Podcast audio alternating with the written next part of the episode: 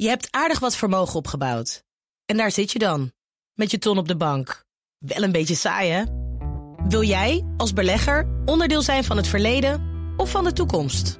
Bridgefund is een slimme fintech die een brug slaat tussen de financiële behoeften van ondernemers en van beleggers. Dus wie belegt bij Bridgefund krijgt niet alleen een mooie vaste rente, maar brengt ook ondernemers in beweging. Echt waar, met die ton kan je zoveel betere dingen doen. Bridgefund. Make money smile. This Houston, contact with a test one. Ah. Touchdown confirmed. Hallo allemaal en welkom bij Space Cowboys. Voor mij is het de eerste keer in Nederland, Thijs Roes. En met Juri Nortier en met Herbert Blankenstein. Hey Thijs. Hallo. Leuk, leuk dat je er Hallo. bent. Hallo dat je er weer bent. Leuk. Ja, dank je, dank je. En eh, welkom luisteraar, zou ik zeggen. Zo. Ja, welkom bij mijn Nederlandse stem. Eh, dat weet iedereen dat ook eens even. Je klinkt ook echt anders in het Ik Nederlands. klink heel anders. Ik zei nog tegen jou, Herbert, van eh, dadelijk, weet ik, dadelijk weet ik niet wat iets in het Nederlands is. En dan schaam ik me. want zou dan- zomaar kunnen. Wat is de Nederlandse woord voor iets? en dan ben ik, ben ik die eikel die dan, weet je wel, zijn eigen moerstaal niet kent. Je leest het toch allemaal, nou niet allemaal, maar het meeste wel. Geldt ook voor ons. In het Engels. Ja, je leest het allemaal in het Engels. Dus Ja. ik, ik weet soms echt niet wat het Nederlandse woord is voor, voor iets. En dat wordt heel grappig. Ik weet vaak niet hoe je iets uitspreekt. Omdat dan, dan, eh, is er, heb ik bijvoorbeeld lang niet geweten van advertisement, advertisement. Precies. Omdat ik het alleen maar las. Ja, ja, Jullie- ja, of de, de Pleiades, de Pleiaden. Dat- die ja. moest ik ook nog een tijdje hebben. Jullie Maar hebben nog het geluk dat je niet eh, de Russische of de Chinese ruimtevaart hoeft te volgen. kan je die? Nee. Ken je een paar woorden? Nou, een paar. Ik ga er straks eentje noemen. Oh, oh, dat is wel een hele goeie. Ik vind in het Nederlands ook altijd planetaire nevel voor een supernova. Dat is ook, ik vind het woord supernova is Nou, dat is niet fantastisch. hetzelfde.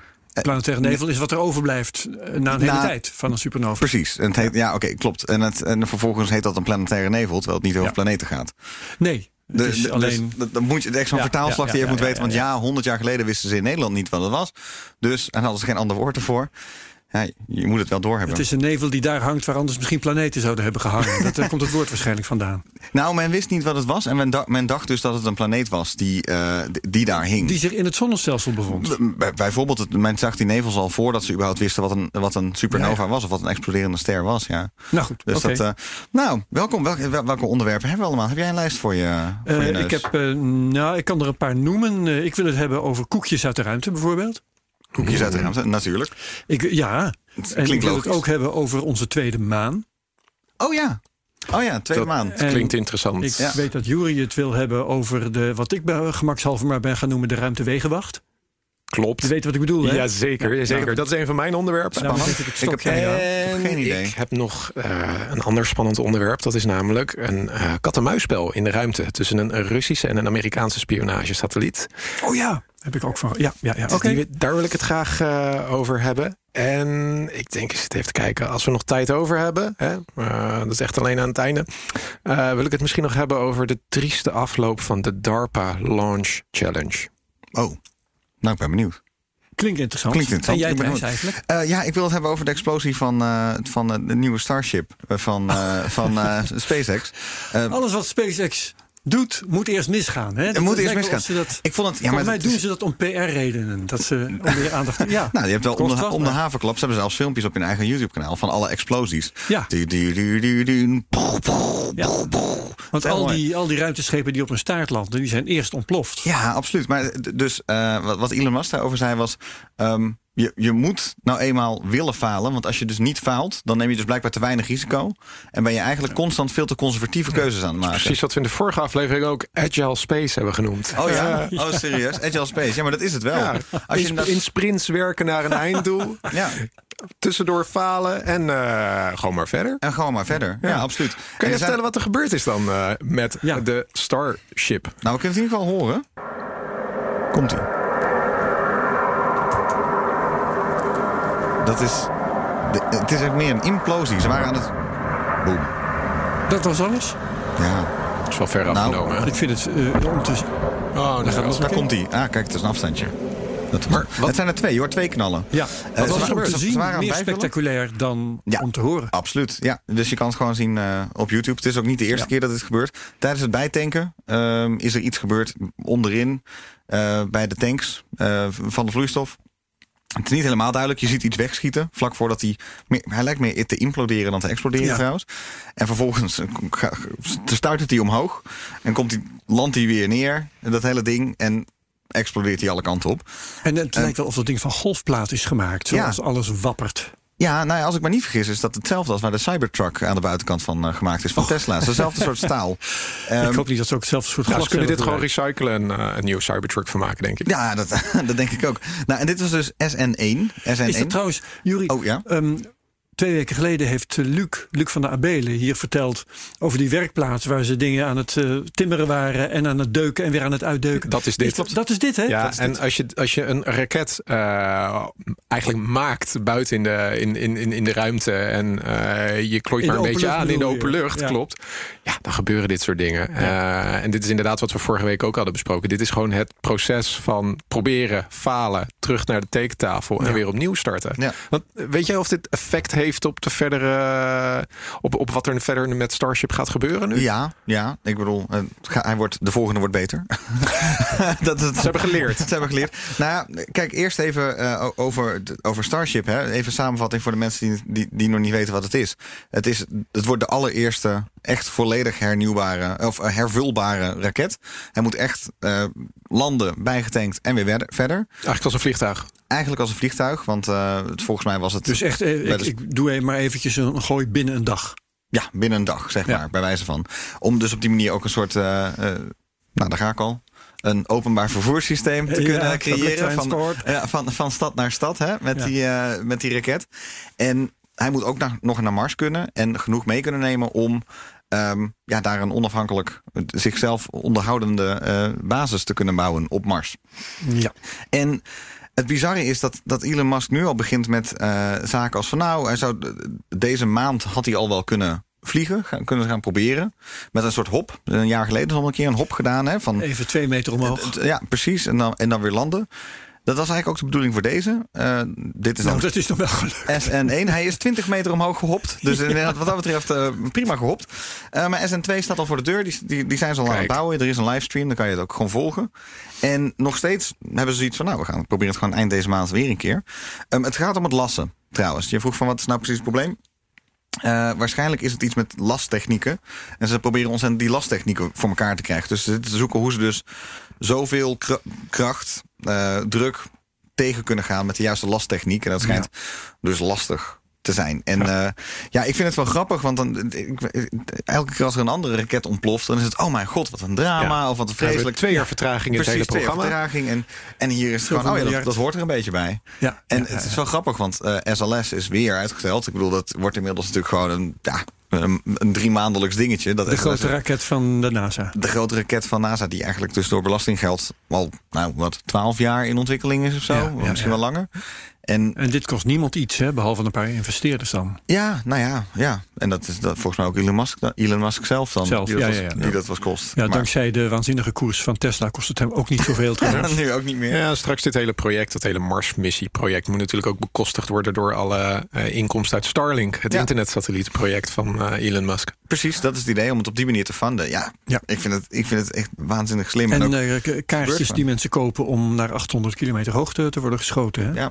Of als het dus inderdaad op een gegeven moment een vervoerssysteem wordt om van de ene naar de andere kant van de planeet te, Ja. te vliegen. Ik, vind, maar ik moet wel persoonlijk zeggen, het enige, ik heb vanochtend even lopen googelen, maar ik kwam zo snel eh, nog niet zo ver.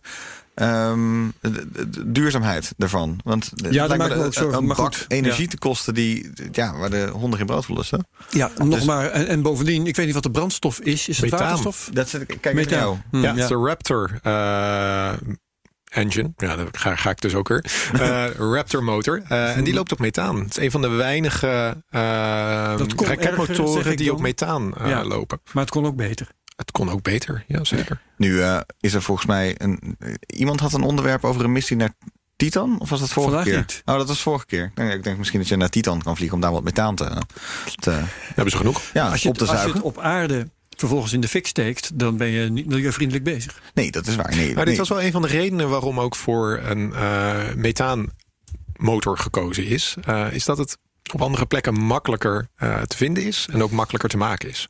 Ah ja. Ja, ik ben, ja, ik ben echt heel benieuwd hoe... eh, Zodat, je, ja, ja, zodat je elders in het zonnestelsel kunt bijtanken. Ja, als, er, als er een luisteraar is die denkt ik weet er meer van, laat het vooral weten. En Ja. eh, anders eh, gaan wij het zo even uitzoeken hoe dat precies zit. Want eigenlijk, ik vind het typisch iets voor Elon Musk om daar gewoon eigenlijk al wel een plan voor te hebben. Want anders, hè, als het niet scalable op het, zou zijn op een, op een duurzame manier, dan zou hij het eigenlijk al niet moeten doen. Dus hij moet erover Waarschijnlijk is erover nagedacht, ja. Ja, maar goed, ik heb daar niet het, niet het antwoord op. Dus op naar de volgende explosie. SN2 die staat eigenlijk alweer voor eh, eind deze maand eh, Ja, zie je, ik dacht Dus, al, eh, volgens mij eh, over twee weken kunnen we het weer over eh, Starship hebben. Ja, precies. En eh, ik, ik, ja, ik hoop hem te gaan Laten we er een zien segment van maken. Ja, ja. Feuilleton. Ja, maar hij heeft, hij heeft ook gezegd van ja, misschien dat het ding van dit jaar al wel echt ergens heen, heen kan gaan. En dan, eh, en dan volgend jaar echt. Maar het is natuurlijk Elon Musk timescales. Dus dan moet je altijd maar kijken wat er van Ja. terecht komt. Ja, leuk. We blijven het volgen. Who's next? Jullie, doe jij eens wat? Want je hebt de meeste onderwerpen. voor. Doe jij eens wat. Zullen we, zullen starten nou met wegenwacht in de ruimte? Uh, de Zoals je het wegenwacht. al noemde. Ja, ja, ja.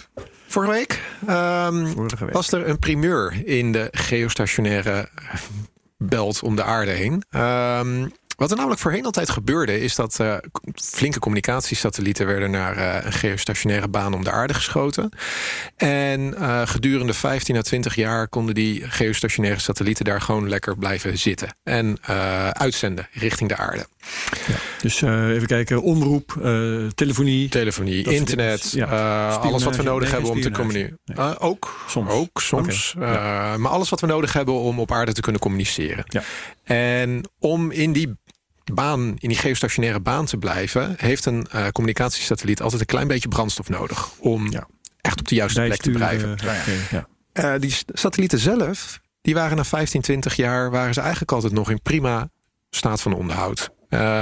Maar de brandstof raakte op een gegeven moment op, waardoor die satellieten niet meer op de juiste plek konden blijven. Ja, dan gaan ze hellen, hè? Of zo. Dan gaan ze een beetje hellen Ja, en dat- dan eh, kunnen ze eigenlijk niet meer eh, de diensten leveren waarvoor ze zijn bedacht. Ja, toen ik voor RTL Nieuws werkte, toen eh, moest, dan moet je altijd, eh, als je iets wegstraalt als, eh, als, als, als aan televisiebeeld, moet je dat naar een bepaalde sat- satelliet sturen. Ja. En nu was er dus een probleem met één satelliet dat hij dus zo ver was gaan hellen dat hij alleen nog maar op bepaalde momenten kon doen. Dus dan moesten we gaan zoeken naar nieuwe Ja, het is, oplossingen. het is En, sowieso als de brandstof is, kun je niet meer corrigeren. Dus Nee, elke precies. verstoring die blijft dan een verstoring. En de, de, oriëntatie is heel belangrijk. Ja, A voor ja. de zonnepanelen, als hij die heeft. En Maar het- ook voor de richting. Maar ook voor eh, de zender die eh, die dingen eh, naar de Die aarde stuurt. Dus eigenlijk de belangrijkste reden waarom een satelliet uit de geostationaire baan eh, gehaald moest worden, was omdat de brandstof op was. Ja. Ja. Nou, nu heeft een Amerikaans bedrijf, eh, Northrop Grumman, Ja. die ehm, hebben een manier bedacht om ervoor te zorgen dat zo'n geostationaire satelliet nog langer kan blijven zitten waar die zit. En dat is eigenlijk een klein satellietje wat zich vasthecht aan een al bestaande geostationaire satelliet en vervolgens het eh, station keeping, dus eigenlijk het in positie houden, overneemt van die satelliet. En dat is dus vorige week voor het eerst gelukt. No way. Het is al Dit is dus een klein satellietje, is gelanceerd eerder dit jaar al eh, vanuit Rusland.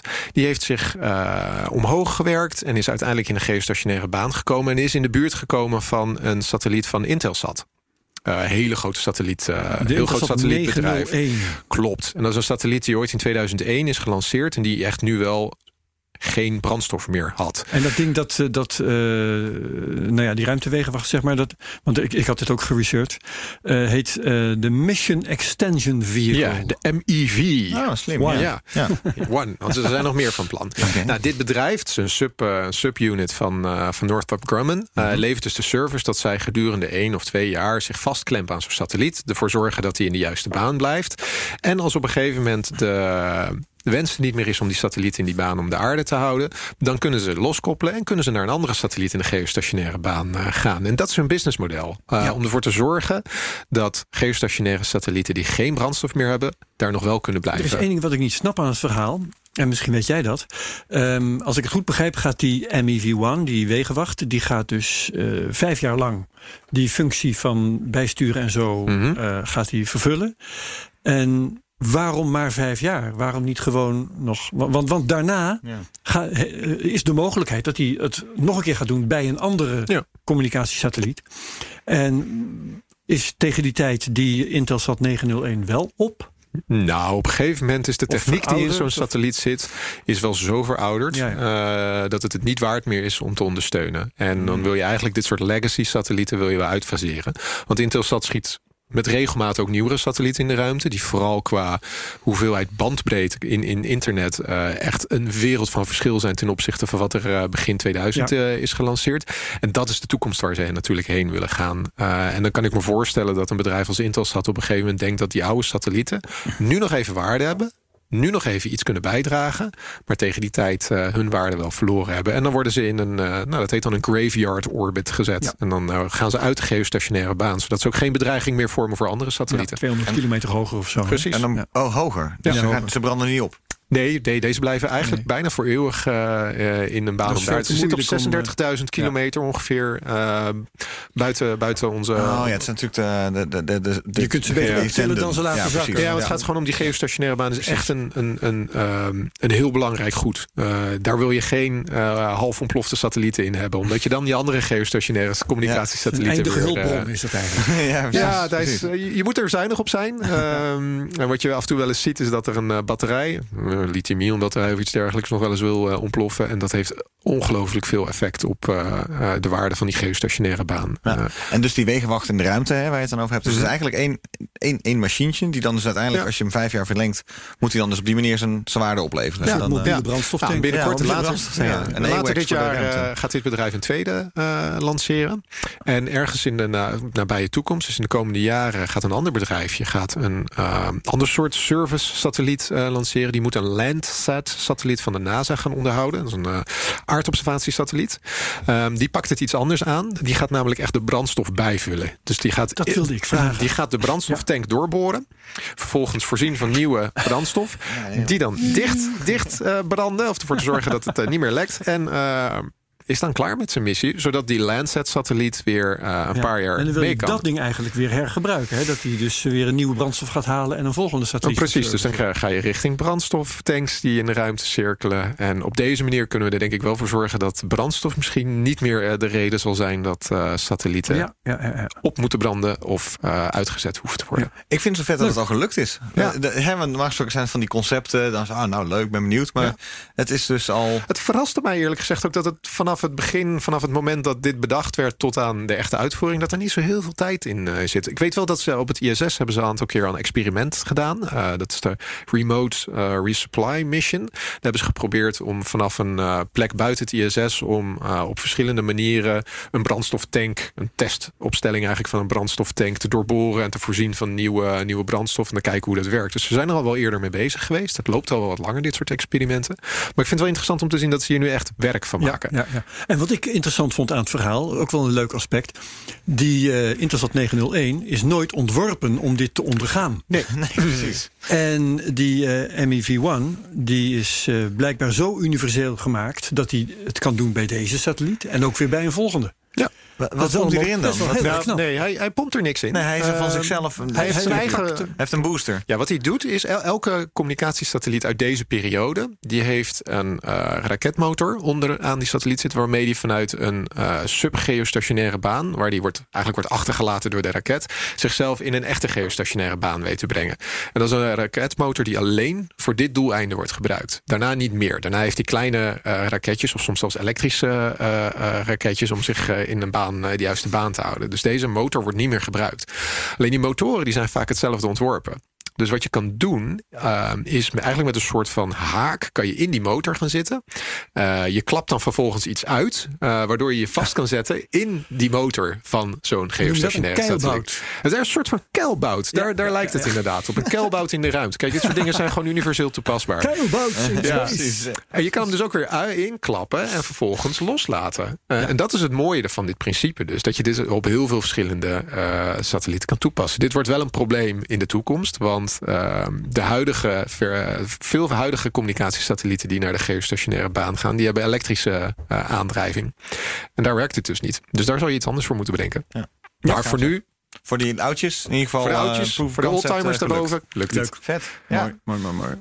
Nou, lekker het rondje rond, uh, Herbert. Ja, nou ja, laat ik de, de cookies in space dan maar even bij de kop pakken. Dat is wel een prachtig verhaal. Um, de, de eerste koekjes zijn gebakken.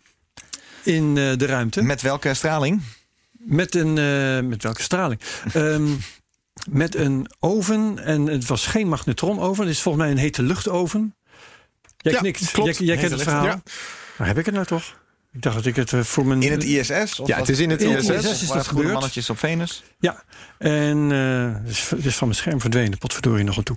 Ehm, maar eh, het, het is gedaan met koekjes eh, waarvan het, die, die in de vorm van deeg eh, al naar boven zijn gebracht. Oké. En dat is, dat is een deel van het verhaal wat ik een beetje vond tegenvallen. Ik had eigenlijk gewild dat ze gewoon eh, eh, Gegroeid deeg, hadden. Deeg Deeg- waren gaan kneden. Ja, precies. En tarwe hadden gegroeid in, in Ja. hun tuintje daar. Maar het probleem is in ieder geval, wil, wil je gaan koken en bakken in de ruimte... dan loop je er tegenaan dat het allemaal gewoon anders werkt dan Ja. onder zwaartekracht. Ja. Ik begrijp bijvoorbeeld dat reizen van deeg, dat werkt al niet eens. Hè? Want een, Zwaartekracht voor nodig. Is zwaartekracht voor nodig. Niet, niet dat ik begrijp waarom, Waarom? want het is volgens mij toch een bio, biochemisch proces... Ja. waarbij gist, eh, ik geloof suiker omzet eh, in CO2... Ja, of iets in die oh, trant. En dan Krijg doe je belletjes en dan zwelt proeft het op. Ja. Maar oké, ik lees dat dat niet werkt in de ruimte. Ehm, Of een ei. dus- ik bedoel, als je een ei op een, op een, op een, eh, pannen, in een pannetje zou doen, dan, blijft het niet in het, dan gaat het niet Nee. als een. Nee, dat blijft gewoon als een blijft gewoon hangen. bolletje. Als een Bakken. bolletje wil niet, wil niet plakken. Bakken nog. is vaak eh, iets wat gebeurt bij contact met een heet oppervlak. Een ei bakken is contact met een hete pan. Koekjes bakken is contact met een heet bakblik. Ja. Nou, in dit geval hebben ze dus eh, plakjes deeg. Chocolate chip cookies zijn het trouwens. Hè? Even voor de Ja, ik, oh, gelukkig. Het was een van mijn vragen hoor. Ik, ik Ja, ja, geen kan, kan hier niet de studio nee. uit voordat ik weet wat chip voor Ja. En dat deeg dat hebben ze naar boven gebracht in een soort siliconen envelopjes.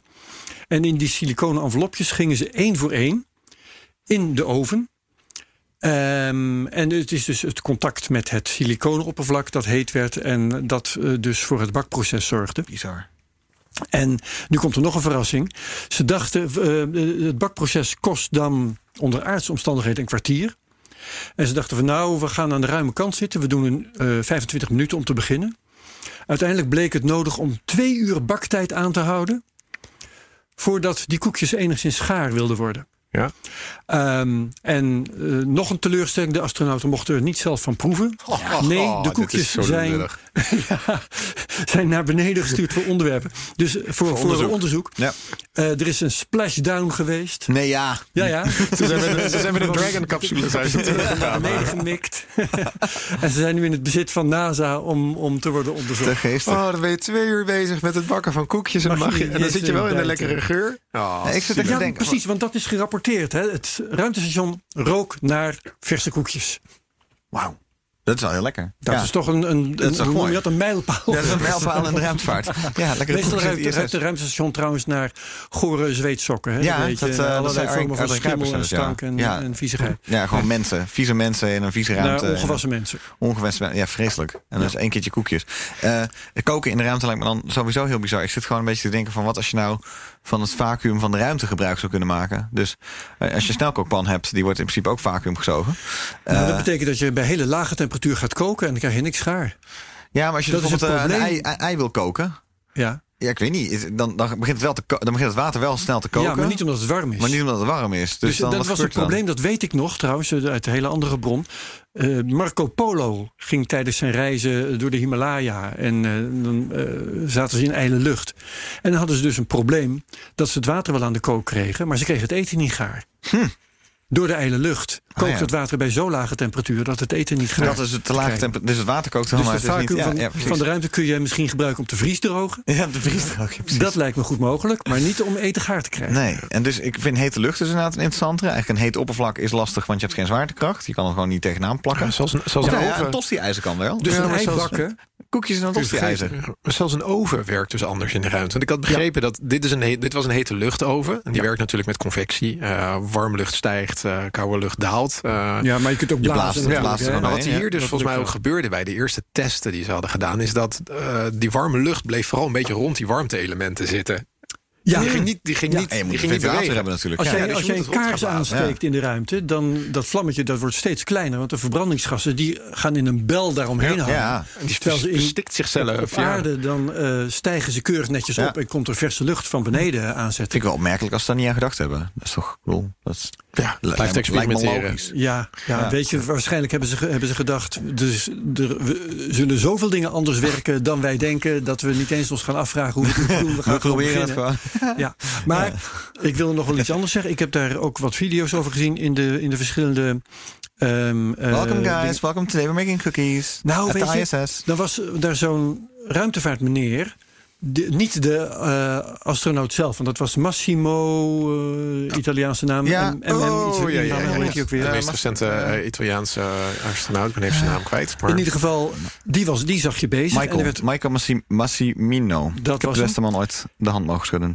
dus die Ja. zag je bezig en er werd over verteld door iemand van de NASA op aarde. Ah, ja. En ja, die begon dan over, ja, we willen leren hoe we kunnen koken in de ruimte en zo. En ik heb dan moeite om dat te geloven.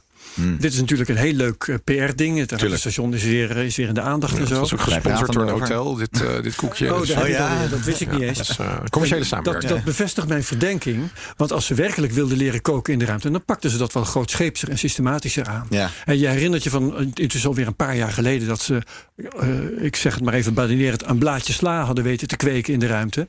Ja, inmiddels en- we zijn nog niet heel veel verder hoor. Dat bedoel ik. Ja. Ja. Dat bedoel ik. Ze zijn altijd, als ze iets hebben waarmee ze in de pers kunnen komen... dan zijn ze klaar. Ja, ja. En ze zijn niet bezig met serieus technieken te ontwikkelen, vaardigheden te ontwikkelen.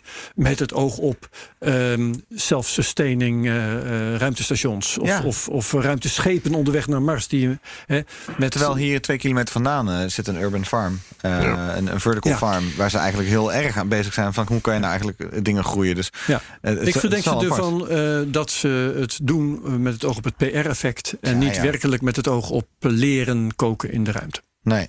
Ja, het zal op een gegeven moment een keer moeten gaan gebeuren natuurlijk. Maar misschien is het nog te ver weg. Ja. En denken ze dat het eigenlijk wel Ja. lukt.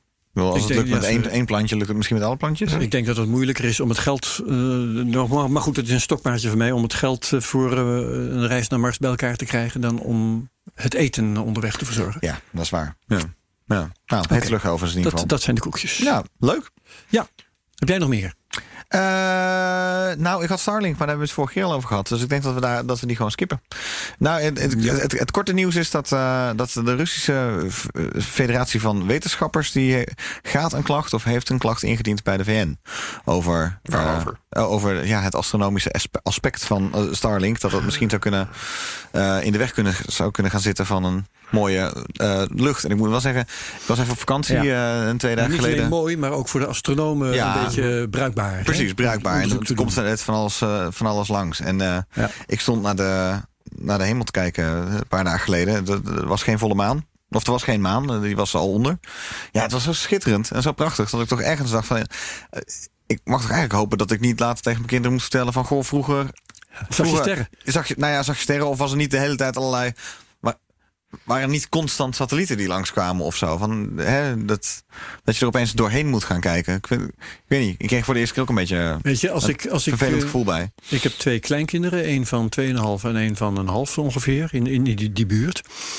En eh, als ik, dus zijn ze nu nog een beetje klein voor om echt aandacht te hebben voor sterren. Maar eh, ik, ik, ik weet niet wat ik ze moet vertellen als we s'nachts omhoog. Zelfs op een heldere nacht. Je ziet misschien, eh, zeker in de Randstad, je ziet misschien 20 sterren. Ja, in de Randstad is het vreselijk. Het is ja. bijna niks meer, Ja. serieus. Het En is, ik- het is ik zit dan in het bos. Het is, het is al weg. Het, ja, het is al grotendeels weg. Ik zit eh, dan tussen, in een bos tussen eh, Deventer, Apeldoorn en Zutphen.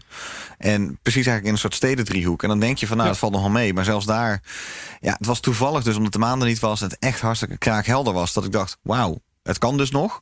Maar over het algemeen, ook als ik daar ben, denk ik zelf... nou, ik zit in- midden in een bos en nog, nog zie ik gewoon de oranje gloed... van, eh, van de steden om Ja. me heen eh, tegen de wolken Maar het schijnen. Starlink-verhaal, je, Ja. je zou trouwens kunnen volhouden, dat is dan even weer de andere kant van de zaak. Ehm, als je hier in Nederland zit En je ziet in plaats van eh, die, eh, die sterren, die je toch al niet meer ziet, eh, een wolk Starlink-satellieten overtrekken. Dan heb je je kleinkinderen in elk geval nog iets te vertellen. Ja, dat is wel waar. Ja. Dat is wel waar. Ehm, Het is niet meer, hey, kijk een satelliet. Het is, kijk, 20.000 satellieten. 48.000. 48.000. Sorry, Juri. 60.000. Maar dit verhaal gaat natuurlijk bij ook, komt. Ja. ook over Mauna Kea en al die andere bergen waar ze zitten en waar je echt nog wel omhoog kan kijken. En waar het straks niet Ja. meer kan door die stomme Starlink Ja, of je moet een soort algoritme ontwikkelen om dus de Ja, hele dat- tijd kijk, Er staan dus echt telescopen waar veel in ge- eh, is geïnvesteerd. Die dat is een probleem. Ja. Dus, Dus dat, ja. dat wordt, een, ja, wordt een probleem.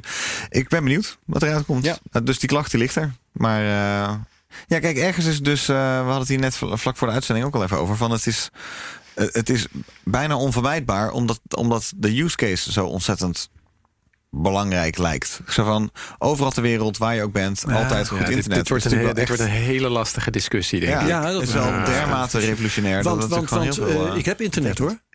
Altijd overal? Eh, nou ja, dat scheelt niet veel. Ik heb internet zo vaak als ik het nodig heb, zo ongeveer. Nou. Ik hoef Nou. niet naar de Sahara namelijk. Nee, maar ik, ja, ik heb flink wat rondgereisd in een busje en, eh, en, en in the middle of nowhere. Oké. En dan was het echt, ja, ik had een kaart van bij me van waar heb ik wel eh, ontvangst. Ik heb Ja, echt op veel ja, plekken ja. geslapen. Dat, eh, Als het, als het voor een normale prijs wordt aangeboden, dat weten we later dit jaar, Ja. dan kan ik niet garanderen dat ik niet als een van de eerste Nee, mezelf ga inschrijven. Dus ik excuseer mezelf alvast voor alle astronomen die luisteren. nee, ik heb het, ik heb het niet echt nodig, maar het het, eh, ja. ligt natuurlijk aan de prijs. Maar ik, er zijn momenten geweest in mijn leven dat het echt waanzinnig zou zijn geweest als ik het wel had. Ja. Zeker voor, eigenlijk voor iedereen die werkend is. Ik kan me herinneren dat eh, wederom bij RTL toen we voor de eerste keer eigenlijk via satelliet mobiel dingen weg konden stralen. Mhm. Peper en peper en peper duur, kwaliteit Ja. laag, eh, de kosten hoog. Ja, ik wil, dat kan nog steeds zo'n Beagle heet dat volgens mij, een Beagle. En eh, dat is een privaat, eh, privaat ding en je zet hem inderdaad gewoon ergens neer. Daar kon je ook internet via krijgen, maar dat was zo duur dat we dat eigenlijk bijna niet konden Ja. gebruiken. Dus het was een. eh, voor, profession- voor professionals, of mensen die het echt nodig hebben, is dit natuurlijk echt te Ja. gek. En als je dus inderdaad ook hele gebieden Ja. kan ontsluiten die op dit moment geen infrastructuur hebben, is het ook voor de ontwikkeling van bepaalde landen natuurlijk waanzinnig. Als Ja, de wel, business, eh, de business case zie ik hier wel. Ja, ja, Zeker. Ja, enorm. Of denk aan bergen. Ik bedoel, het is eigenlijk Mhm. het enige wat je nodig hebt voor, eh, voor ontvangst. Is, eh, je hebt een open kijklijn nodig. Hè? Dan, dan lukt het dus Naar de satelliet. Ja. En Ja, ja, sorry, in het huidige systeem. Oh, huidige antenne heb je ook gewoon een Mhm. kijklijn nodig. Ja. En als het even kan, niet wa geen water of spiralen van metaal ertussen. Dan ook als je in een bergachtig of heuvelachtig gebied zit. Dus in Frankrijk bijvoorbeeld, in de Morvan. heb ik ook bijna geen bereik. Nu, gewoon Ja. vandaag de dag. Nee, dat klopt. Dat heb ik ook meegemaakt. Ja. Dus, eh, heel heel eh, komische verhalen zitten daar. Zal ik, even, zal ik even vertellen? Ja, vertel. Ik- Herbert, vertel Kleine anekdote, kleine anekdote. Ja. Kleine anekdote. Ik was een keer in Frankrijk gaan fietsen. En eh, we hadden een huisje gehuurd. En ik had tegen mijn vrouw gezegd... ik hoef de, de wegenkaart niet mee te nemen. Ik heb gewoon Google Maps. Dus ik ga fietsen. Geen offline En, map gedownload. Nee, precies. En eh, bij de allereerste straathoek waar ik eh, dacht van nou toch eens even kijken welke kant ik op moet, geen eh, Google Maps. dus ik, ik maak een keus, ik ga gewoon rijden. Wat maakt het uit? Ik zit op een fiets, dat is ja, ook leuk. Precies. En ik heb inderdaad de verkeerde afslag genomen. En uiteindelijk wist ik dus echt niet meer waar ik was. Nou, En op het moment dat ik, eh, dat ik dacht van ik moet het nou toch maar eens even aan een voorbijganger vragen welke kant ik eigenlijk op moet om weer thuis te komen. Thuis in het gehuurde huisje. Toen ging mijn telefoon. Want ik had om een of andere reden die ik niet helemaal begrijp opeens wel telefooncoverage. En er was een collega hier van BNR. Die iets wilde weten over het werk hier. En toevallig kon ik hem helpen. En eh, toen, hij- ik had hem geholpen, hij was klaar. En toen zei ik, wacht even, niet ophangen. Heb jij Google Maps? No way. Hulp op Precies. afstand, hulp op ik ben afstand. hier en hier en hier. En toen heeft hij me van, vanuit Ah. Amsterdam. Ik zei, ik sta hier bij een wegwijzer. Die wijst vijf kilometer naar dat dorp en drie kilometer naar dat dorp. Waar sta ik? Dat is wel echt... En welke kant moet ik op? Nou, hij heeft me gewoon, hij heeft me gegidst naar het huisje waar, eh, waar mijn vrouw nog op me zat te komt toch allemaal nog goed. Ja, kijk, dit zijn wel de momenten waarop ik zou denken... Starlink, je gaat mijn redding zijn. Dus ik, ik, ik Ja. dacht, ik help je maar eventjes. Oké. Juri. Ja, jij ehm? Kat-en-muisspel in de ruimte. Laten we daar eens over gaan praten. Ehm, wat namelijk in de afgelopen weken, maanden een beetje naar boven kwam... is dat er boven in de ruimte een eh, kat-en-muisspel plaatsvindt... tussen een Russische spionagesatelliet en een Amerikaanse spionagesatelliet. En wat er nou precies gebeurt, weten we niet. Maar die twee die komen ongelooflijk dicht bij elkaar. En ik denk dat ik even moet uitleggen om wat voor soort satellieten dit nou precies gaat. En dan wil ik eigenlijk beginnen bij de Amerikaanse satelliet. Want die wordt een beetje bespioneerd. Of die wordt in ieder geval gestolkt door een andere satelliet. Deze Amerikaanse uh, spionagesatelliet, USA 245 heet die, of uh, het is een Keyhole 11 uh, satelliet, is een spionagesatelliet die naar de aarde kijkt. Ehm, hij neemt afbeeldingen van de aarde en op een enorm hoge resolutie, 20 centimeter kan hij onderscheiden. Nee, Het is eigenlijk een beetje een soort van Hubble Space Telescoop die De naar de aarde kijkt. En de Amerikanen hebben meerdere van deze eh, om, de, om de aarde eh, draaien. Eh, alles om ervoor te zorgen dat ze precies weten wat er waar gebeurt op welk moment. Daar zijn ze al heel veel jaren mee bezig met, de- met dit programma. En vorig jaar zomer lanceerden de Russen een vrij onduidelijke satelliet. Het was in eerste instantie niet duidelijk wat het nou precies was. Uh, we hadden wel eerder van dergelijke satellieten gezien. En wat er gebeurde was dat die satelliet werd in een baan om de aarde gebracht. Uh, vervolgens uh, liet hij wat kleine subsatellietjes los. En uh, die gingen een soort van dans met elkaar uitvoeren. Die gingen om elkaar heen en die kwamen dicht bij elkaar in de buurt. Gingen weer verder van elkaar en kwamen weer bij elkaar in de buurt. We hadden heel erg het idee dat dit een soort van test was voor missies van satellieten die bij andere satellieten in de buurt moeten komen. En daar een beetje rond gaan snuffelen om te kijken wat die aan het doen zijn. Een beetje stalken. Beetje stalken. Foto's nemen, signalen opvakken, dat soort, dat soort dingen. Ja, nou, als je dichtbij zit, dan kun je natuurlijk ook opvangen precies, wat de betreffende satelliet Precies, precies. Of wat hij ontvangt. Nou, en nu is er dus. Vorig jaar zomer was dus die Russische satelliet. Derde, vierde in een serie. Uh, Napriogeny heet die in het Russisch. Uh, dat was of, of, of nivelier, of nivelier. Het is maar net wat het, uh, hoe je het, uh, welke, welke, welke bron je moet geloven. Maar die was dus, die is dus nu in een baan gebracht. ehm, dat die heel vaak heel dicht in de buurt van de USA 245 satelliet komt. Dat zien we nu gebeuren. We weten niet precies wat hij aan het doen is. We weten dat het een satelliet is die eerder dit soort spionagemissies heeft gedaan. Ja, het is natuurlijk het is een beetje een aanname die je maakt. Maar het zou best ja. wel eens kunnen zijn dat ze een beetje aan het uh, rondsnuffelen zijn in de buurt van die. Schitterend uh, gegeven voor een spannende film. Ja, ja, ja, absoluut. Ja. Dus dit is kat-en-muisspel wat we afgelopen jaren zagen. Wat we volgens mij de komende periode nog wel meer gaan zien. Maar hoe zagen we dit? Nou, er zijn dus er zijn echt experts.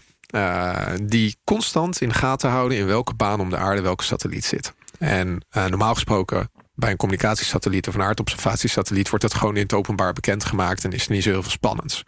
Alleen elke keer als er dus een spionagesatelliet wordt gelanceerd, dan zijn er altijd van die uh, experts die dat extra in de gaten ja. gaan houden. Want spannend. Ik ja. denk ook en, dat, dat, dat de Amerikaanse spionagediensten, de Amerikaanse spionagediensten, ja. zelf ook wel er een gewoonte van maken ja, om alles dus in de gaten te houden. We zagen ook wel dat die USA 245 zijn baan af en toe een beetje aanpast als die Russische satelliet weer in de buurt kwam. Dus dat was een beetje het kat-en-muisspel. Dus, ja, dus ze hebben het ook wel door. En de Amerikanen zelf hebben ook wel wat van dit soort satellieten in de ruimte gebracht. En uh, er zitten er nu ook een paar in een geostationaire baan om eventueel andere dingen in de gaten te houden. Dus uh, het is niet dat Rusland hier alleen in is. En dat zij de enige zijn die uh, dit soort dingen doen. Natuurlijk niet. Mm. Alleen, we zagen de afgelopen maanden wel dat dit gedrag opeens uh, weer naar boven kwam. En de experts die dit dan volgen, die zien dan dat die ene Russische satelliet, die ze sowieso toch al volgden, want het was een interessante, even benieuwd wat die gingen doen, dat die dus in deze baan heel dicht bij die andere satelliet kwam. En we zullen het in de gaten houden. Kijken wat hij de komende periode gaat doen. Of hij ja. deze ene satelliet blijft volgen. Of dat hij in een andere baan gaat zitten. En misschien een andere spionagesatelliet van een ander land. Of van de Verenigde Staten gaat volgen. Maar... Koude oorlog in de ruimte. Ja, Precies. de Koude doorgaan. oorlog in de ruimte. Het blijft bestaan. Het ja. blijft bestaan. Goed zeg. Oké. Okay. Leuk. Herbert. On to the next. Ja. Herbert, heb jij iets? Nou ja, ja, onze nieuwe maan. Ja, dat ja. nieuwe maandje. Ja. Ja. Hoe groot is die? Ja, precies. Is, uh, Want ik heb hem nog niet gezien namelijk. Je hebt hem nog niet gezien. Nou ja, ik heb hier een foto. Oh. En dan ga ik even mijn, uh, mijn laptop omhoog houden. Ja, het, uh, ik hou hem maar even zo op zijn kop, maar dat maakt niet uit. Dit is niet de grootte van de huidige maan. Nee, zeker niet. De afmeting is tussen de 1,9 en 3,5 meter. Oh, oh wauw, dat is een auto. En, uh, precies, die vergelijking wordt ook gemaakt hier. En die hangt dus in, een, in eenzelfde, uh, hoe noem je dat? Dus, uh, is... Het, is een, het is een temporarily captured object. Oh, hij kwam hij dus heet ook van... temporarily captured object 2020 CD3. Oké, okay, dus, 2020 CD3, ja. Ja, en um, hij is dus ja, toevallig in de, het zwaartekrachtveld van de aarde gevangen. Maar waarom is het dan temporary satellite? Want hij gaat Nou, de weer... er, eh, baan blijkt niet stabiel te zijn. Hmm. dus en- als de Jupiter of de zon of zo, die gaan er zo aan lopen trekken... dat dat op Ze een gegeven weten zelfs al wanneer die weer wegvliegt. Dat zal waarschijnlijk in april zijn. Hé, zo kort. Ja. Dus eigenlijk een paar slingertjes om de aarde... en dan slingert hij weer er vandoor. Ja, dan komt er Dat een of andere vers- verstoring. Ik weet niet welke dat zal zijn, maar eh, dan, dan is hij weer weg. Maar tot die tijd ehm, draait hij om de aarde in een baan eh, die elke 47 dagen rondgaat. Wat super grappig. Het is ontzettend grappig. Ja, een soort En ik zit even te kijken ja. of ik nou de afstand En tot de aarde bij de hand heb. Die heb ik niet. Dan vaker voor? Dit, ja, dat komt vaker. voor. Dat, dat kun je afleiden alleen al uit de naam. Hè, temporarily captured object nummer zoveel. Ja, dat is wel waar. Ze hebben er nummers voor. Wat ik, wat ik wel schitterend vind. Is dat CD3 ze- ook trouwens. Ja, dat ze eh, daar dan nog foto van zo'n ding van een meter of twee, drie eh, groot. Mhm. Dat ze daar gewoon nog een foto van kunnen maken. En, en dat ze dat kunnen opsporen en volgen. En Ik zit er naar Ja. te kijken inderdaad. waanzinnig. Dat is niet normaal. Echt een puntje. Dat ze hem gevonden hebben überhaupt ook. Ja, want, als je, als je eenmaal weet dat die er is, dan kun je gaan zoeken. Maar Ja. als je, eh, het is iets dat je moet vinden zonder dat je weet dat het er is. Ja, precies. Ja, het is het enige object dat dan stil lijkt te staan... ten opzichte van alles wat erachter gebeurt. Eh, nee, eh in tegendeel. Het beweegt juist extra hard omdat het dichtbij is. Oh ja. Ja, ik weet niet, natuurlijk niet in wat voor baan die, Kijk, eh, of, of wat voor baan die zit. Sterren in de achtergrond eh, die staan eh, zo goed als stil. Ja. En dit ding dat moet juist betrekkelijk Bewegen. snel bewegen ten opzichte Ja, van nee, al ik, het ja, nee, ik dacht, als de, als de aarde met hem meedraait... ligt het natuurlijk een beetje aan hoe de aarde draait. In ieder geval zal je zien dat er in ieder geval er een Ja. verschil zit... tussen wat erachter maar zit en zit wat zeker ervoor niet in zit. een geostationaire baan. Nee, als dat is waar. Nee, oké. nou, ja, ik bedoel in ieder geval, je kan in ieder geval zien als je dus een foto neemt van de hele van alles, Ja. dan zie je dat dus één object zich best, best wel raar beweegt ten opzichte van alle sterren die erachter zitten. Ja. Dat zal het zijn. Ja. En elke 47 dagen? Elke 47 dagen. Oké. Twee Ja. maanden, maanden, een andere maan. Eh anderhalf maand, hè? Anderhalf maand, een week of eh, Precies. zeven Ja. heb je het over. Nou, Ja. eh, eh, zit nog welkom maan en of tot ik- ziens Of ik binnenkort de maan. afstand kan vinden. Het zal vast een elliptische baan zijn. Maar dat heb ik even niet bij de Eh, hand. De verste, de verste afstand, die is hier. Oh, jij hebt hem? Eh, volgens mij wel. Even kijken, zou dat dan zijn? Ja. Ja, ongeveer 1, 1 EU. Astronomical Unit. Dat lijkt me Dat sterk. lijkt me heel sterk. Ja. Eh, Dat is best ver. Dat lijkt me ook heel raar. Dus, eh De snap Astronomical. Ja, Unit dat is volgens mij de afstand Oh, tussen de ik zon heb, en de ik heb aarde. hier wel iets. Dat ehm, Het is een, eh, inderdaad een eh, sterk elliptische baan die voor het grootste deel zelfs buiten die van de maan ligt. Ja, Ja, ja. Maar dat maakt het dus des te wonderlijker dat ze hem hebben kunnen fotograferen. Hè? Die eh 1 à 2 meter, sorry, 2 à 3 meter. ja. eh meeste tijd verder weg dan de maan. En dan even een fotootje maken. Maar hij komt dus eigenlijk aan, draait een paar rondjes en vliegt weer vandoor. Dat is de, ja, want tot april met die, eh, met die baankenmerken gaat hij niet heel veel rondjes draaien. Nee, dat zal met een eh, rondje of twee, drie is het gewoon bekeken. ja. ja. Nou ja, een astronomical unit is toch de afstand van hier tot de, Tot de zon. tot Ja. de zon. Dus hier staat dan 1,06 en eh 0,98. Dus Nou, dat, dat dat, klopt dan wel, want dan, ja. inderdaad, hij gaat dan dus precies is- ja. net erboven en net eronder. Ja. Ja. Dus het wordt gerekend vanaf de zon en niet vanaf de, de aarde. Dus kijk ook Ah, niet. Ja. Dat is natuurlijk waar. Dat is dan, Ja, ja. ja. Dus nou, Oké, ma- mooi. it all makes sense. Goed, dat is onze, onze maan. Dus eh, geniet ervan. Zo lang het nog Ik weet gaat. wel zolang die is. Ja, precies. Ja. Ja. Cool. Thijs, Nee, nog meer? nee. Jury, nog meer? ja, zeker. Nog heel veel meer. Hebben we nog even? Ja, nee, nou, tik ze maar eens af. Ik heb, twee, ik heb twee kleine nieuwtjes over eh, missies die nu al op andere planeten zijn. Mhm. Ah, ja, klopt. Wat ik zeg klopt. Ehm, allereerst ook eh, even de aandacht weer terug eh, naar U2. U2 2. Eh, het Chinese maanwagentje wat aan de andere kant van de maan zit. Oh, is daarmee? Ja, doet het nog. Oké, en dat nog. vergeten we constant. Ja?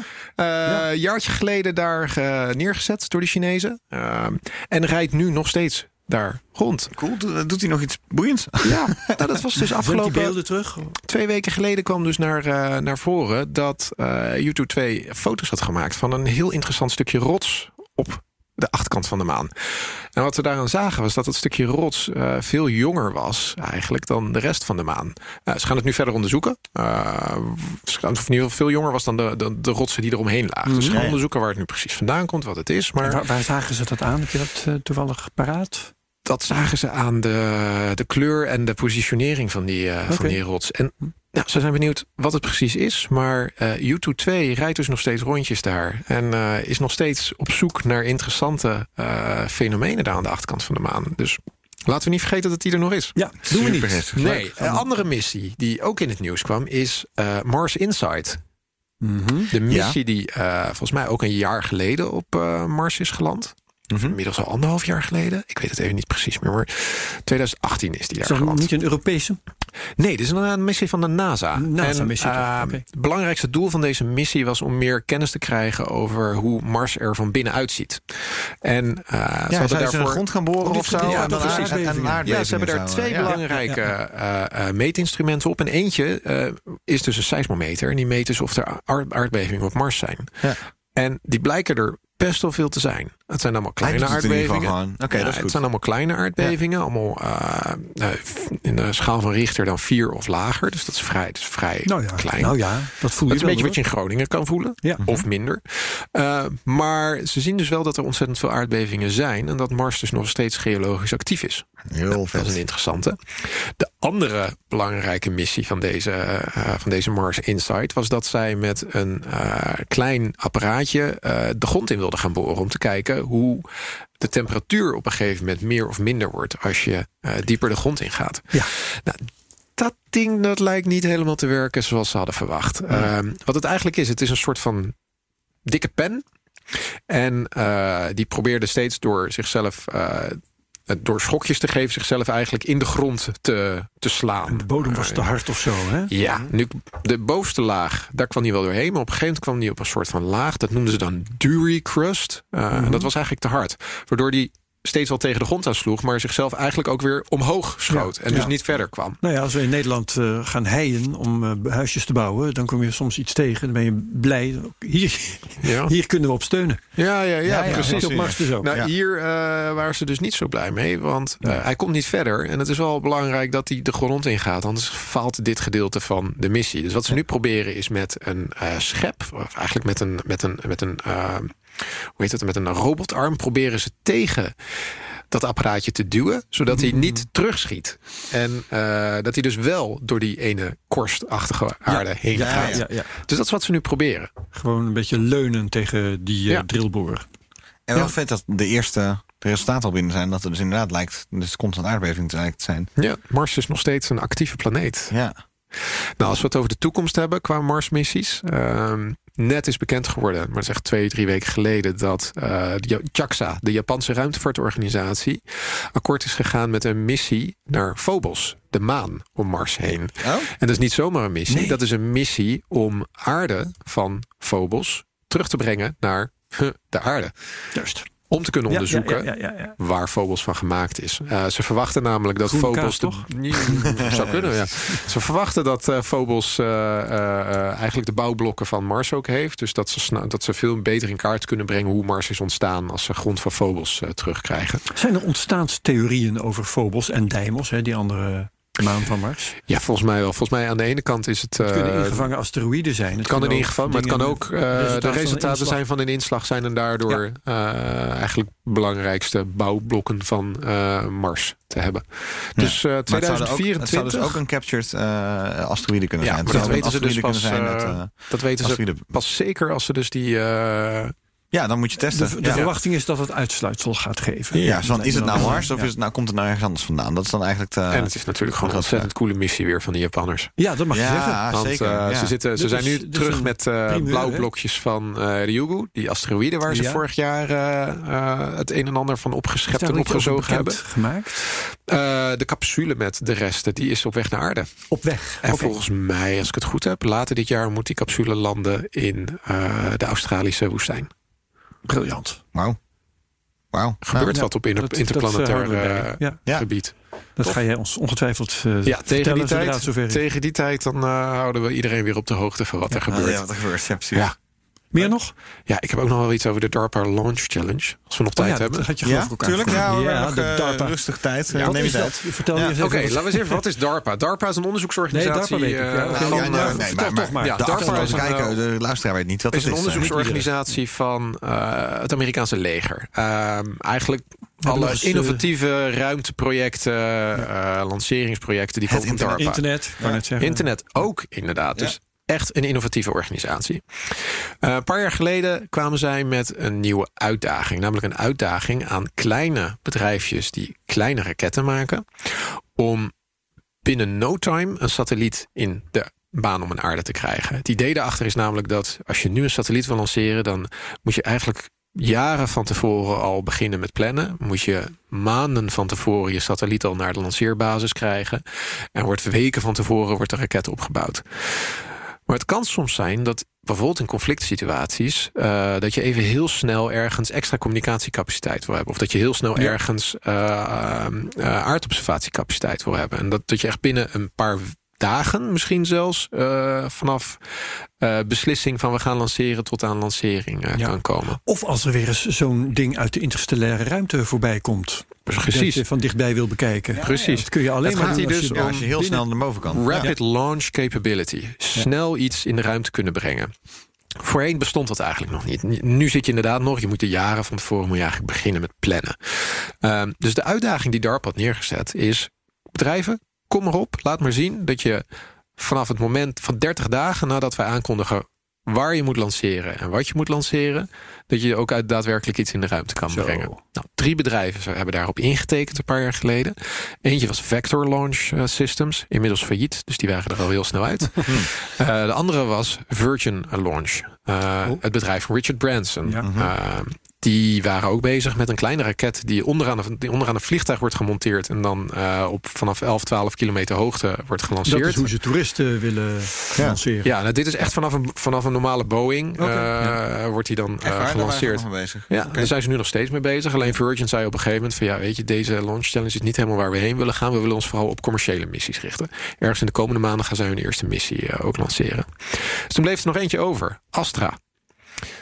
Astra, van de satellieten. Nee. Andere Astra. Het was, eh, het was een bedrijf wat eigenlijk niemand kende. En ze zijn heel lang in stealth mode geweest. Dus het is een bedrijf waarvan alleen wisten dat het bestond, maar niet wat ze deden. Eh, we wisten dat ze wat eh, kennis en wat techniek hadden georven van een eerder programma van, de, van, de, van de Amerikaanse overheid. Voor de rest wisten we er helemaal niks van. Stealth mode. Echt compleet donker. Totdat dus een maand geleden uh, bekend werd dat dit bedrijf ook meedeed aan, uh, aan, aan de DARPA Launch Challenge. Dat ze een al bijna af raket hadden. En dat ze dus binnen een maand de opdracht hadden gekregen om van een plek, ergens in Alaska, uh, kleine satellietjes te gaan lanceren. Nou, heel hard mee bezig geweest. Uh, twee weken geleden zijn ze daar volgens mij voor het eerst naartoe gegaan. Hebben ze alles opgebouwd. Uh, echt uit het niets hebben ze dus een eigen lanceerinstallatie gemaakt. Uh, die raket werd in een container vervoerd. Want zo makkelijk moest het allemaal zijn. En werd daar on the spot werd hij daar opgebouwd. En zo zijn ze geprobeerd te gaan om te lanceren. En ze hadden maar een beperkte tijd. Uh, ze hadden 14 dagen uiteindelijk om hem te lanceren. Ik bedoel, is dat een fysieke launch window of had dat, dat te maken met de opdracht? Dat was de opdracht. Ze okay. moesten dus vanaf ja. het moment dat ze daar aankwamen, moesten ze binnen 14 dagen iets lanceren. Nou, dat is uh, bijna gelukt. Echt bij. Het is er niet gelukt. Nee, het is er gewoon niet het is gelukt. niet gelukt. Het is er niet gelukt. Wat nou, is ze hebben een paar keer pech gehad met de raket ja. zelf. Uh, ze hebben een paar keer uh, pech gehad met het weer. Alhoewel ze daar wel uitstel voor kregen, omdat ze overmacht. Uh, maar eigenlijk de afgelopen maandag was een laatste kans. En uh, ik zat live mee te kijken. En op een gegeven moment hadden we nog één of twee minuten te gaan. En het was zo zuur. En dan hoor je op een gegeven moment hoor je iemand uh, van de lanceerinstallatie hoor je hold, hold, hold zeggen. En toen was de lancering eigenlijk afgeblazen. Er was een probleem met uh, navigatiesystemen. Ja. En dat betekende dat ze dus niet hebben gewonnen. Dat ze die launch challenge niet hebben gewonnen. Het is eigenlijk best wel sneu, want dit bedrijfje kwam zo uit het niets opeens naar voren. Ja. Ze hebben best wel een mooi systeem dus gebouwd. En als je wint, dan uh, voldoet aan de eisen, dan uh, ben je, uit de miljoen. kosten waarschijnlijk. Ja, dat niet, maar ik kreeg een paar miljoen. Okay. Het idee was dat zij uh, dit eigenlijk als een soort van ja, plakkaat, een soort van diploma uh, mee ja. konden nemen. Dat ze konden laten zien. Wij kunnen heel snel handelen. Wij kunnen eigenlijk heel snel uh, iets voor jullie lanceren. En dat ze daarmee dus de commerciële markt op uh, konden gaan. Gaan ze alsnog doen? Ze ja, want niet als failliet. je 30 dagen niet haalt, dan kan je het goed natuurlijk ook... Ja, als 40 ja, dagen... Dus ze gaan alsnog, ze gaan alsnog deze raket lanceren. Ze krijgen dan niet het prijzengeld van de DARPA. Maar ze kunnen wel uh, laten zien dat zij dus ook kleine satellietjes binnen no time... vanaf elke plek op de aarde eigenlijk kunnen lanceren. Mooi verhaal. Gaaf, ja. Uiteindelijk uh, We zien het het wel, ja, het is wel relevant. Dus wat ik zeg, Ja. van als je het, Kijk, we zien het, sowieso, we, zien het, omlaag- we zien het veel vaker nu terug. Dat er van dit soort kleine bedrijfjes zijn die eh, een kleine raket hebben. Die dan een paar kilogram in een baan om de aarde kan brengen. Want daar hebben we het over. Het zijn maar een paar kilogram. Maar Rocket Lab eh, vanuit Nieuw-Zeeland. eh, 150 kilogram zijn al anderhalf jaar bezig. Doen het heel goed. Virgin komt dus straks. Dit bedrijf. In China zijn er 15, 20 bedrijven die hier nu mee bezig zijn. Er zijn een hoop andere in de Verenigde Staten. Dus eh, dit is wel een business waar nu steeds meer gebeurt. en Waar het steeds drukker ook wordt. Ik ben benieuwd wat er overblijft. Ja, precies. Ja, ja. Ja. Mooi. Ik ben benieuwd, hoe lang duurt het nu dan eh, voordat een uh, raket de lucht in kan? Wat is dan nu de huidige snelste? Maanden, jaren. Ja, ja precies. Dus ja, het is natuurlijk even, extra, even o- o- o- Er zit heel veel voorbereiding zit er natuurlijk Ja. al voor. Dat ding moet gemaakt worden. Ehm, Wie hadden wij vorig jaar hier met die microsatellieten in Nederland? Isis.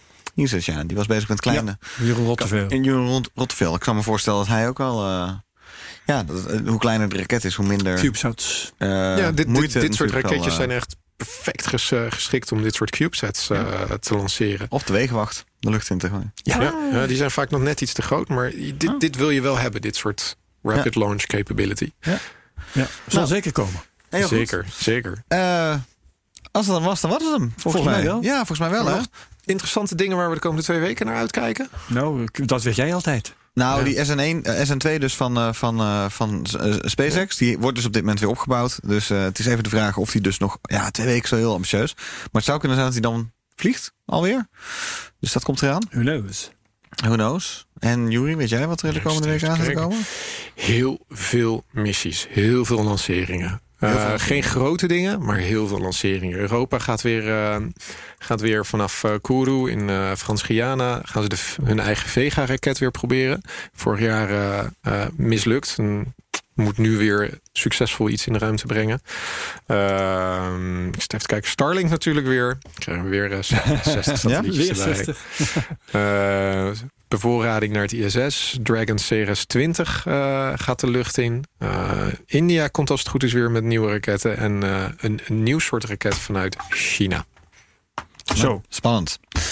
iets om naar uit te kijken. Iets om naar uit te kijken. Dan is eh, de vraag, eh, eh, waar zijn wij allemaal te volgen? Ik... eh, Waar zijn wij allemaal te Herbert, Her- je kan deze podcast volgen op Deze podcast kun je volgen op bnr.nl, op de BNR-app en eh, al je Spotify, iTunes, Apple Music, niet Apple Music, Apple Spotify Podcast. iTunes, Apple Podcast heet het tegenwoordig. Ja, jij weet het allemaal, Jury. Ja. Eh, en in veel andere podcast-apps zitten we ook, maar ik hoor ook wel eens dat we in een enkele niet zitten. En onze Twitter? Ehm, eh, Space Cowboys Pod. Ja. Mijn Twitter is Thijs Roes. Mijn Twitter is humblank. Hm, blank. En wat Jij ook nog aan Twitter? Ik doe niet zo heel veel aan Twitter. Nee, Heb nog iets anders? bent Kunnen Jury mensen je volgen op, underscore Ja, Nortier. Yuri underscore Nortier. Ja, Ja. staat in de show notes. Kun je Jury niet bereiken. Nee, precies. Want Yuri kan je op duizend en één manieren schrijven. Oh ja, dat is ook nog. Ja. Nou, hartstikke bedankt voor het luisteren. Leuk. Eh, Superleuk. voor iedereen weer. En leuk jullie weer te zien. En eh, dit keer in Nederlands. Het ging hartstikke goed, toch? Ja. Maar een paar, paar We kunnen het kan het gewoon. Volgende keer in het Duits, dames en heren. Eh, zo blijven Van we alle variëren. markten thuis. Precies. Volgende keer zonder Thijs Roes trouwens en weer met Luc van der Nabé.